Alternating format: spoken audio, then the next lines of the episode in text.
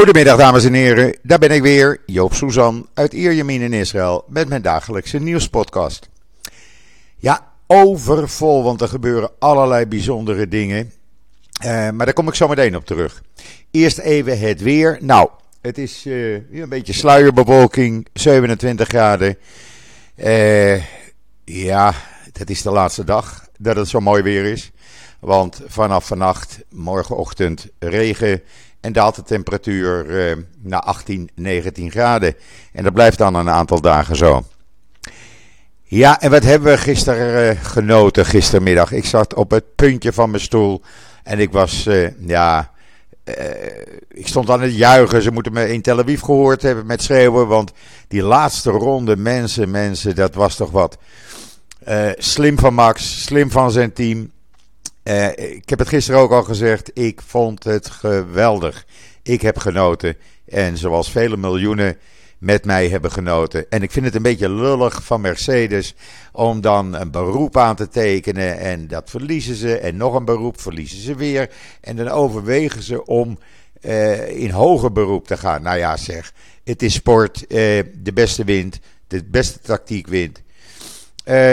ja, je kan ook zeggen. Hamilton had naar binnen kunnen worden geroepen, ook zoals uh, Max dat deed in die, uh, uh, tijdens die paar ronden dat ze achter de auto reden.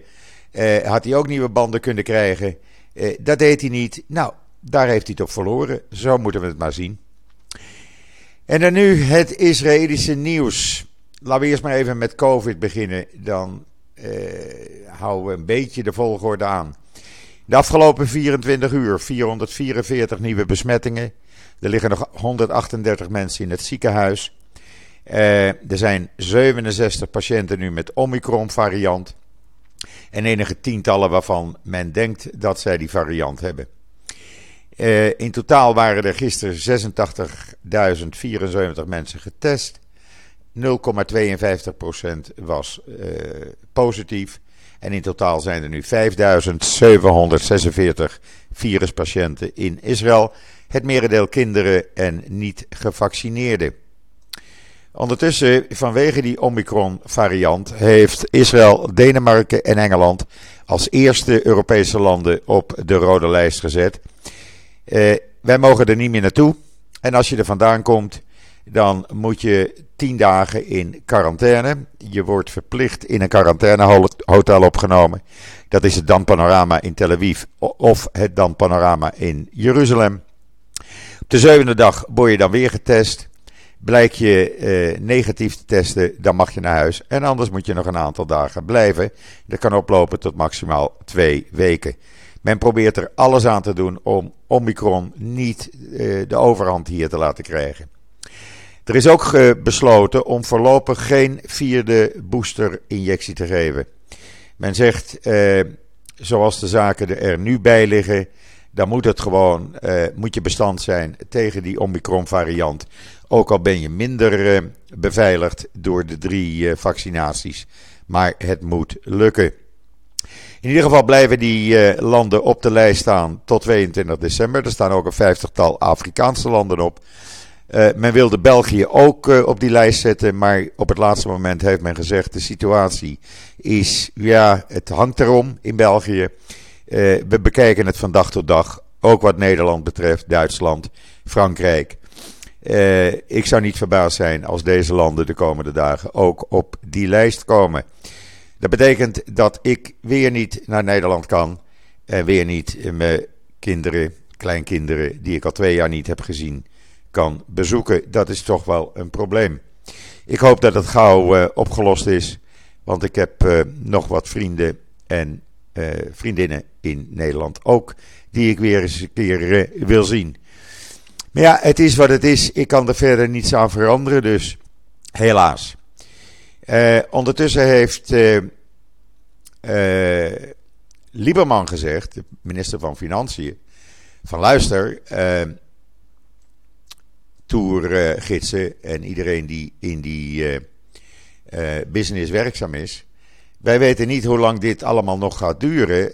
Het zou verstandig zijn als jullie een andere baan gaan zoeken. Nou, dat komt hem natuurlijk op grote kritiek te staan.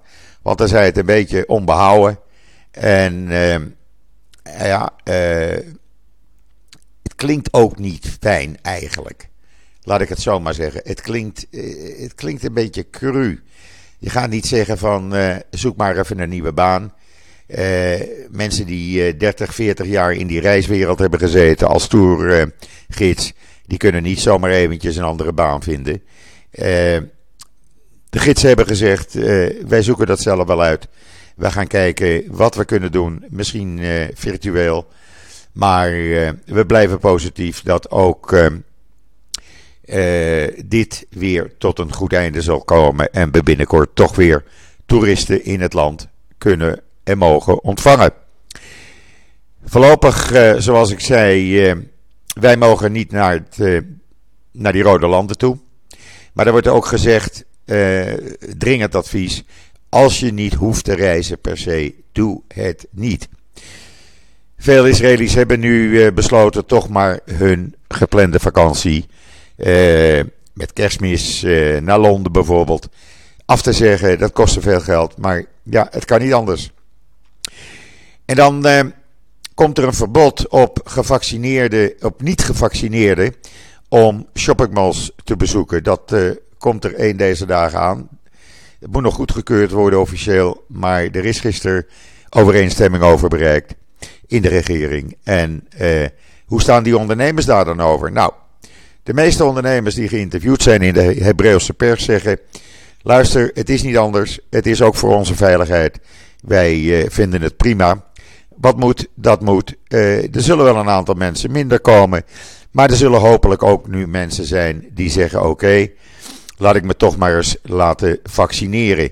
Dus over het algemeen is men hier niet negatief over. Uh, niet gevaccineerden mogen dan nog wel naar de drogist en de supermarkt. Maar voor de rest niet meer naar een uh, shoppingmall. Er wordt gecontroleerd op het groene paspoort. Iedereen die een groen paspoort heeft, uh, die mag erin. En uh, ja, heb je dat niet. En dat krijg je alleen maar als je drie vaccinaties hebt gehad. Ja, heb je dat niet, dan heb je pech. En ja, dan is de keuze aan jou om je te laten vaccineren of naar een buurtwinkel te gaan. En dan is er gisteravond en vandaag wordt er historie geschreven. Zo noem ik het en zo is het ook. We maken dat toch allemaal mee eh, dat premier Bennett gisteravond in Abu Dhabi is aangekomen. Daar officieel werd ontvangen door de minister van Buitenlandse Zaken. En vanmorgen, u kunt het allemaal lezen op israelnieuws.nl met video's, met foto's. Vanmorgen is hij op bezoek geweest bij de kroonprins van Abu Dhabi. En dat is historisch. De kroonprins had hem ook zelf uitgenodigd. Van kom eens een keer. Uh, hij is daar vanmorgen geweest. Ze hebben onder vier ogen gesproken. En vanmiddag uh, heeft Bennett nog een groot aantal andere mensen met wie hij gesproken in Abu Dhabi. Het gaat natuurlijk over Iran. Maar het gaat ook over het bevorderen van economische samenwerking. En ja, uh, wat ze allemaal samen kunnen gaan doen. Want de betrekkingen zijn uitstekend. En dat geldt natuurlijk ook voor de betrekkingen met de Verenigde Arabische Emiraten. En ik verwacht dat Bennett daar ook spoedig weer naartoe zal gaan. Het is historie wat wordt geschreven. We maken het allemaal mee. We kijken ernaar. Je kan het amper geloven, maar het is toch echt waar. En dan de Israëliër Asaf Yassour. Hij is 19 jaar. Zes jaar geleden heeft hij zijn beide onderarmen verloren bij een ongeluk. En die is maar mooi kampioen uh, van de para-wereldkampioenschappen Taekwondo geworden. Goud verdiend, hartstikke goed. U kunt uh, het zien met een video met zijn vader op israelnieuws.nl. En dan uh, is het de Mossad Twitter-account. als je hem nog niet volgt, ga het doen. Mossad IL. Het is een Twitter-account, een parodie maar het is wel gelukt om een uh, Hamas uh, Hezbollah-account van Twitter te donderen. Dat is er gelukt. En ja, is natuurlijk prachtig. Ga die account volgen. Ik volg hem ook. Het is ja, soms heel het is lachen. Het is officieel, de account op Twitter is de Mossad IL, met hoofdletters aan het achtereind. En ja, dan blijf je op de hoogte van alle parodie op Twitter. En dan is er opnieuw, en het is groot nieuws hier in Israël. Er is opnieuw ingebroken in het huis van Iran Zahavi in Amsterdam Buitenveldert.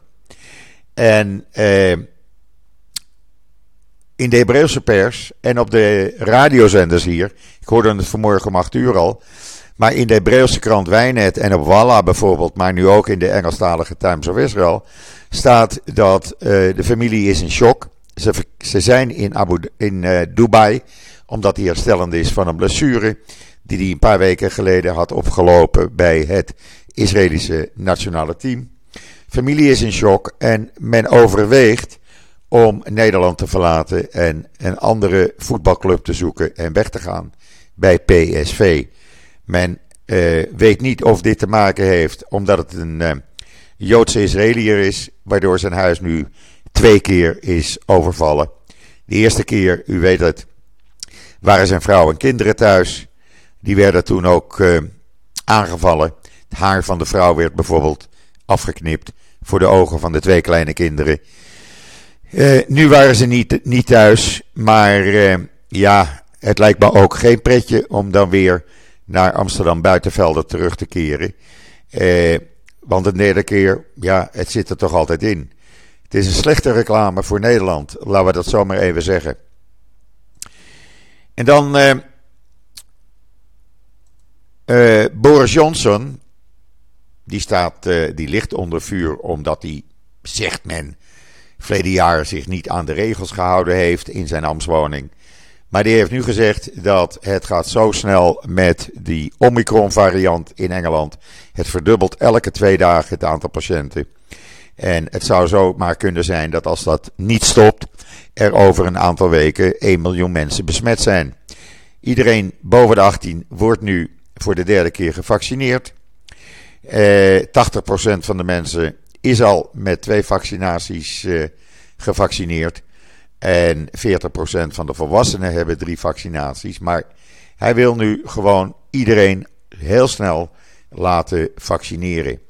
Ik denk dat eh, minister Hugo de Jonge en premier Rutte maar eens even met Engeland en Israël in gesprek moeten en daar maar eens moeten kijken en advies moeten vragen. Want de manier waarop zij het in Nederland doen, ik heb er geen woorden voor. Ik vind het verschrikkelijk. Het is één grote bende en ze weten niet waar ze mee bezig zijn, denk ik. Ze doen maar wat. Uh, ja, en dan is het uh, deze maand, 80 jaar geleden, dat de nazi's in Gelmo in uh, Polen, een klein dorp waar 35 Joodse families woonden, ging experimenteren hoe ze de massamoord op de Joden konden gaan uitvoeren. Eh, dat heeft men gedaan in dat kleine dorpje. U kunt het lezen op mijn Twitter-account. Daar heb ik het, eh, een artikel van de Times of Israel neergezet. De eerste Joden werden in 41, december 41 uit Gelmelo gedeporteerd en vergast. En alleen maar omdat ze Joden waren. Uh, het, is een, uh, ja, het is iets waar we constant ons aan moeten blijven herinneren. doen we dat niet, dit mag niet vergeten worden, nooit. En dan had Israël aan Amerika gevraagd, aan Biden Luister, we hebben vier Boeings KC-46 tankvliegtuigen besteld. Kunnen er twee niet versneld worden afgeleverd? Wat is de bedoeling daarvan? Die uh, Boeing, die tankvliegtuigen, die kunnen gewoon de straaljagers 12 uur in de lucht houden, omdat ze bijgetankt worden. En ze kunnen op een afstand van meer dan 11.000 kilometer van Israël vliegen. En dat is natuurlijk van belang voor een eventuele aanval op Iran. Nee, zegt Biden, want die had dat ook door. Biden zegt nee, dat gaan we niet doen. Je wacht maar totdat wij zeggen, we ze gaan uh, leveren. En we gaan jullie uh, niet die twee vliegtuigen eerder uh, sturen. Biden, ja, hij toont weer hoe laf hij is, laat ik het maar zo zeggen. En dan een leuk bericht. Ja, ik moest wel even lachen hoor. Er was een vrouwelijke makelaar die had een aantal appartementen in de verkoop in Tel Aviv. En de huisbaas of de verkoper ontdekte op een gegeven ogenblik, of hij werd getipt, dat die uh, dame, die makelaar, die uh, ja, een aantal appartementen gebruikte om af en toe eens even met haar geheime lover wat intieme momenten te hebben.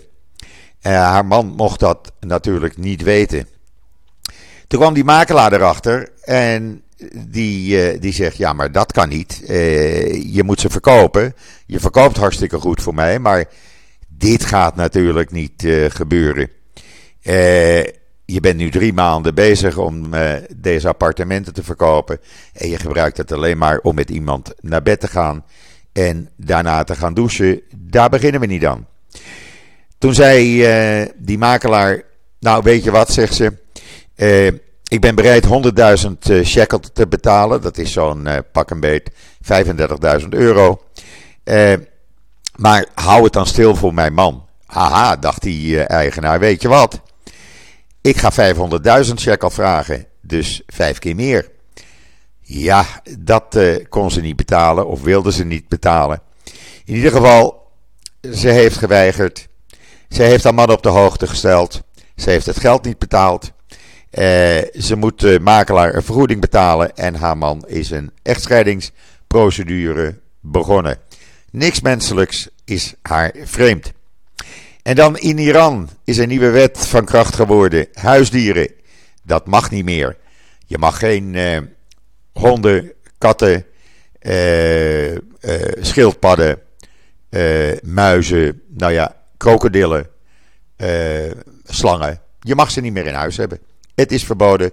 Ze zijn onrein en ze komen er niet meer in, zeggen de Ayatollahs. En dan, uh, ja, bij die ontploffing uh, op donderdagavond van dat wapendepot van Hamas in Libanon, waarvan ze zeggen, ja, dat zaten geen wapens in. Dat was alleen maar voor humanitaire redenen, want we hadden daar allemaal zuurstof uh, in opgeslagen. Nou, Amahula. In ieder geval, daar, zijn, uh, daar is iemand bij omgekomen, een Hamas-terrorist. En die werd gisteren begraven. Nou, dat werd een hele gezellige begrafenis. Want uh, terroristen van Hamas en de Fatah. die begonnen op elkaar te schieten. en op de begrafenisstoet te schieten. En er vielen drie leden van Hamas. Die vielen dood neer. Die konden gelijk begraven worden. En enige tientallen zijn gewond geraakt. Never a dull moment bij Hamas. Ja, ze lopen ook allemaal met wapens rond. En uh, ja, dan krijg je dit natuurlijk. Maar we weten natuurlijk als Israël nu waar we ze kunnen vinden. En waar ze zitten in Libanon. En uh, ja, Hamas kan het niet meer geheim houden. En dan Iran geeft Europa de schuld van het mislukken, als het binnenkort mislukt, van die besprekingen over de Iran-deal. Want Europa komt niet met haalbare oplossingen. Iran is zelf overal op tegen, tegen elke uh, oplossing die wordt aangedragen. Maar ja, je moet iemand de schuld geven. Het ligt natuurlijk niet aan Iran. Dus Iran krijgt de schuld. En gisteravond, Miss Universe is geko gekozen. En dat was, uh, of dat is geworden Miss India. Miss India is dus nu de nieuwe Miss Universe. Gekozen in Eilat. Hopelijk uh, wat PR voor Eilat. Er waren 80 deelnemers, waaronder uit Marokko, waaronder uit Abu Dhabi. Of Bahrein, als ik het goed heb. Uh, Miss Israël was een beetje nerveus. Die viel flauw. Maar die kon toch meedoen. En het is bekeken door uh, tientallen miljoenen mensen wereldwijd. Ja, het werd hier niet uitgezonden, althans ik heb het niet gezien. Maar uh, het zal dan wel. En dan uh, viel mij een ander bericht op. De West Story, van, die nu een remake heeft gehad. die is een beetje teleurstellend, teleurstellend begonnen. Hij heeft maar 10,5 miljoen dollar opgebracht in de eerste week. Nou kan ik me daar wel iets bij voorstellen, want ja, wie gaat nu met die coronapandemie nog naar de bioscoop? Ik niet. Ik zou hem graag willen zien, want ik heb als uh, jongen van, uh, nou wat zal het zijn, 16, 17, in de 60 jaren, uh, zeven of acht keer de West Story gezien. En nog steeds af en toe draai ik die muziek. Ik vind het fantastisch. Maar ik ga toch even niet naar de bioscoop. Ik wacht wel totdat we wat meer beveiligd zijn met al die virussen. Want ja, dan zit je toch niet prettig. En ik kan me dat dus voorstellen. Misschien een idee om het op Netflix of een andere streamingszender te doen. Kunnen we er thuis gewoon lekker van genieten met een hapje en een drankje. Ja, er zal uh, later op de middag nog meer nieuws komen over Bennett en zijn bezoek aan Abu Dhabi. GPO, Government Press Office, heeft uh, laten weten dat ze foto's en video's blijven distribueren gedurende de dag. Hij komt uh, later op de avond weer terug. En, uh, oh ja, één dingetje. Hij heeft niet het regeringsvliegtuig gebruikt. Hij is met een charter van El Al gegaan. Met een kleine delegatie vanwege corona. Maar het door Netanyahu voor 250 miljoen dollar verbouwde Boeing, die nu de, de Israëlische Air Force One is, die heeft Bennett niet gebruikt. Dan weet u dat ook weer. En ja, vanaf vandaag zit Sarah Netanyahu en uh, de zoons van de familie Netanyahu zonder beveiliging, zonder privéchauffeur en zonder gepantserde auto. Dat is heel normaal. Als je geen premier meer bent, blijf je nog twintig jaar beveiligd, maar je familie niet meer. Nou, zeggen ze hier in de Hebreeuwse kranten, ach, als die bedreigingen tegen hem zo erg zijn, dan is het toch helemaal geen probleem. Iemand die tientallen miljoenen dollars op de bankrekening heeft staan, die kan toch wel best een paar beveiligers inhuren. Doet hij dat niet? Nou, dan blijkt daarmee dat uh, er geen dreiging is voor zijn vrouw en kinderen. Goed, dan bent u gelijk weer op de hoogte van alle roddels en al het nieuws uit Israël. Rest mij u nog een hele fijne voortzetting van deze maandag, de 13e december, toe te wensen. Ik ben er morgen weer en zeg zoals altijd: tot ziens, tot morgen.